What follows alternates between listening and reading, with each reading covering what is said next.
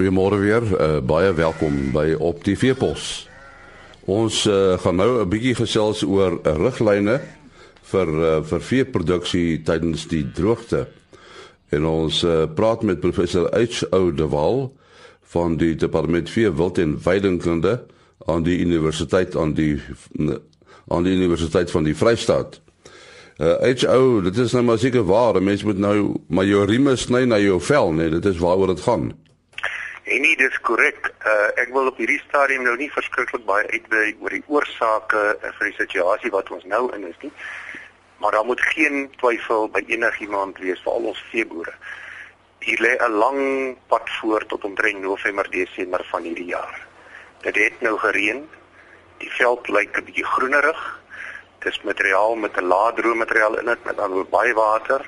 Die diere vreet dit as hulle die polletjies uittrek, gaan in elk geval die veld nog beskadig, maar die hoë waterinname laat die diere se ma losser word en 'n dier wat tot nou nog so half bygehou het, gaan nou swaar kry. Hulle daar gaan nou diere vrek. En wat ons eintlik wil onderstreep, dit is nie nodig nie. Uh die situasie moet nou eers enerzijds met getalle beheer word en met goeie uh, besluite. Uh dit lyk ook op hierdie stadium asof boere dink hulle gaan nog baie beter pryse kry. Ek dink ons het die situasie bereik dat 'n boer werklik kritiese besluite moet neem en nou verliese beperk. Dit is wat nou moet gedoen word. En nou, nou goed, uh, 'n uh, veiding bestuur is nou kardinaal, nê? Nee. Ja, uh, kom ons sê so stel, as daar nog veiding is, kan dit benut word. Maar as veiding nie meer werklik beskikbaar is nie, is daar geen doel om die diere heeldag te laat rondloop en soek na die karige veiding. Dit wat jy dan gee word eintlik gemors op soek na nog 'n bietjie wat daar bestaan. Dan dan moet daar ook weer 'n besluit geneem word. As jy wil kos gee, kan jy met 'n bietjie meer stilstaande diere baie beter resultate kry. Want die die uitgawes aan energie om rond te loop uh, is net eenvoudig te hoog. So as daar nog veld is, kan dit strategies benut word. En ek bedoel dit dit, dit moet vreedbare materiaal wees, net dit moet nou nie uh, baie keer lyk ons ons tapuite grasse die, die matte lyk beter as party van ons veld. En dan beteken dit strategiese proteïnaanvulling en vir herkouers kan dit uh nie proteïen stikstofbronne soos ureum wees wat onder baie goeie beheer gegee word sodat die laer gehalte materiaal wat geselekteer word nog wel deur die mikrobes in die groot pens uh, verteer en benut kan word. Maar om koste gaan gee waar daar nie meer veld beskikbaar is nie, is werklik kortsigtig. Nou nou nou goed, uh, jy het gepraat van die vermindering van vee. Daar moet jy ook goeie oordeel gebruik. Uh kom ek sommer so op. In alle kuddes behoort daar streng gesproke nou nie meer kwesbare diere te wees nie. Met ander woorde, op 'n plaas behoort daar nou net die vee oor te wees en dit is vroulike diere plus die paar manlike diere wat in elk geval baie selde afgeskeep word. En dit is die vroulike diere wat voorkant toe wanneer die droogte verby is, weer vinnig uh inkomste genereer. Dis die diere wat aanteel, die vroulike diere. In enige populasie, selfs mense, is dit altyd die jongetjies die swakkes en die oues wat seer kry as koskaars is. Dit geld by alle, dit geld by diere ook. So op hierdie stadium moet die kwesbares reeds uitgehaal word. Met ander woorde, die oudste lyne in die uh, op die plaas moes verwyder gewees het. As ek sê verwyder, dan kan hulle verkoop gewees het of van die veld afgehaal word en iets anders te met hulle gedoen word. Met beeste is dit waarskynlik verskriklik onekonomies om vir produksie te bevoer te voer.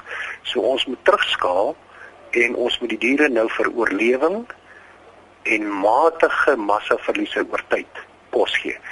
En dan kan mense dit strategies doen en, en nie terwyl ek op die punt is. Ek sien foto's hoe ons in video's hoe ons voer op die grond smyt. Jy weet dit voer skaars is. Dan moet jy elke veseltjie vir die diere gee. Kom neem lucerne mense gooi bale rond en as jy nou klaar is dan daai uh, grond groen. Dis die eintlike voedingswaarde van lucerne. As ons die bale rondgooi, werk op skone oppervlaktes en as jy kos gee. As ons nou van hooi praat, dit klink nou ekstra moeite. Maar grof gemaalde rifoer word altyd minder vermors en beter benut deur diere as wat jy die langvorm bale net daar neersit. En dan die beweging van vee, die moet jy beperk. Ja, kom ons sê ons ons klaar ons, ons nou dood oor hierdie bloekombosse wat nog op plase staan. Dis 'n ideale plek waar jy die diere uit eh, die veld uit in koelte kan laat staan en dat jy hulle daar kos gee.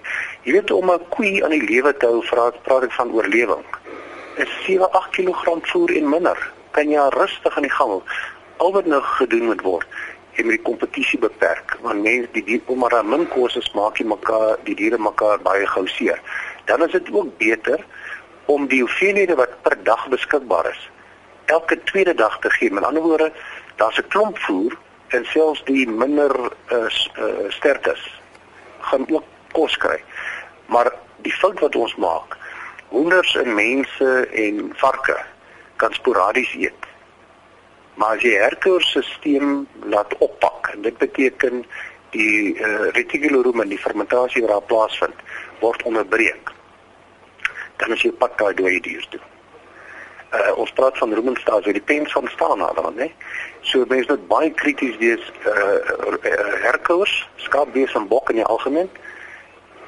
Pas jy stadig aan enige kant toe. Uh 'n voor voorbeeld.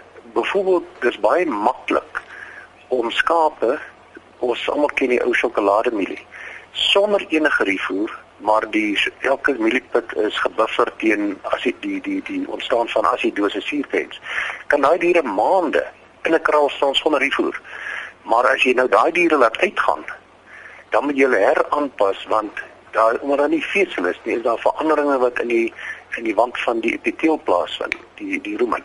So ons het tegnieke om dit te doen. Die ander ding wat ek wil uh, wil sê, mense gee groot hoeveelhede malasse.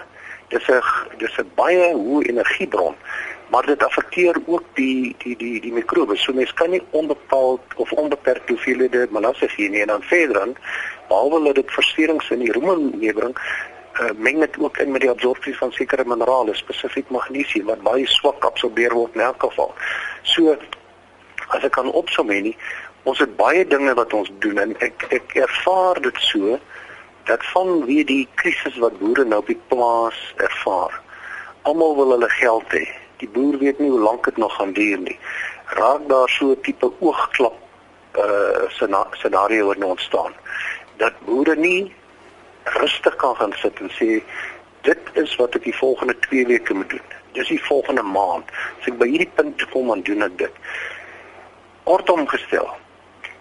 Dit mag nou vir jou 'n verlies wees om 'n dier te verkoop heelwat minder as wat jy dink jy vir hom kan kry of haar. Oor 'n paar maande gaan jy niks vir daai dier kry nie. Die dier gaan dood wees of jy het 'n onredelike hoeveelheid geld aan daai dier spandeer.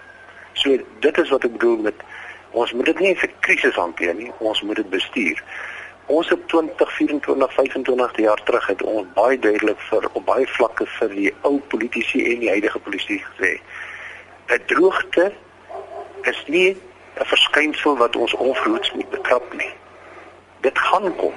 En as ons baie klinies na hierdie situasie kyk, elke jaar is 'n droogte. Party is net nat droogtes en party is werklike droogtes. En ek dink waarna ons nou sit is dat ons 1, 2 en selfs 3 agter die volgende jare gehad het van swakker ongereelde reënval. En nou nou het alles saamgeloop waar ons nou is. Ja, iets uh, waarvoor mense moet oplet is natuurlik veldbrande wat uh, wat ramptoestande kan uh, jy weet veroorsaak. So mense moet nou brandbane maak, né? Nee? Uh, nie, ja, jy weet die mense dink omdat dit droogte is kan veldbrande nie ontstaan nie, né? Uh, uh dit kan baie maklik gebeur en en die plekke wat 'n mens moet na kyk is is is langs lyndrade, veral as jy padreserve sit wat ook nog gesny kan word en benut kan word vir diere. Uh is en en en voor voorbrande te maak dat daar nie skade kom nie en dan ook rondom die opstalle en werkershuise is ideale plekke waar brande kan ontstaan en dan ook uh mense moet nie vergeet nie brande hardloop onder deur kulverts hierdie hierdie uh, stormwaters onder paaie deur nê uh, brand gaan baie vinnig oor klein gladde paadjies. So daar's baie kennis daaroor maar die belangrike ding sou daar nou nog 'n brand ontstaan op skadige weiding wat moontlik is? Onmiddellik verander dit 'n baie haglike toestand aan 'n na 'n onuithoudbare situasie. En uh, een van my kollegas het nou dag uh, iewers dit ek gelees, uh, Louis de Besaan het gesê as jy die polle wat nou groei uittrek met die hand, dan moet jy nooit diere daarin hê nie. Die die pol moet eers, jy weet, ons het twee dinge. Een, ons het kos nodig vir die diere, maar ons moet ook seker maak dat ons nie die veld wat hierna gaan voer produseer seermaak nie. As ek dit kon sê, waar dit enigstens moontlik is en jy kan korttermyn goed gevoer gewasse plant. Ons het baie van hulle die hawers ensovoorts. Sorgums. Doen dit sodat jy diere van die veld kan afhaal en dat die die, die veld nou maksimaal kan vestig en en en hergroei en nie stomp gevreet word nie. Maar ek wil bevestig hê nie. Ons is nou begin Februarie. Ons het 'n baie kort tikkie van ons groeiseisoen oor meeste van ons grasse is nou geprogrammeer nie om kos te maak nie, maar om saad te maak. En ons groot probleem lê in die maande wat oor is. Ons het relatief min oesreste. Dis omtrent al klaar opgebruik.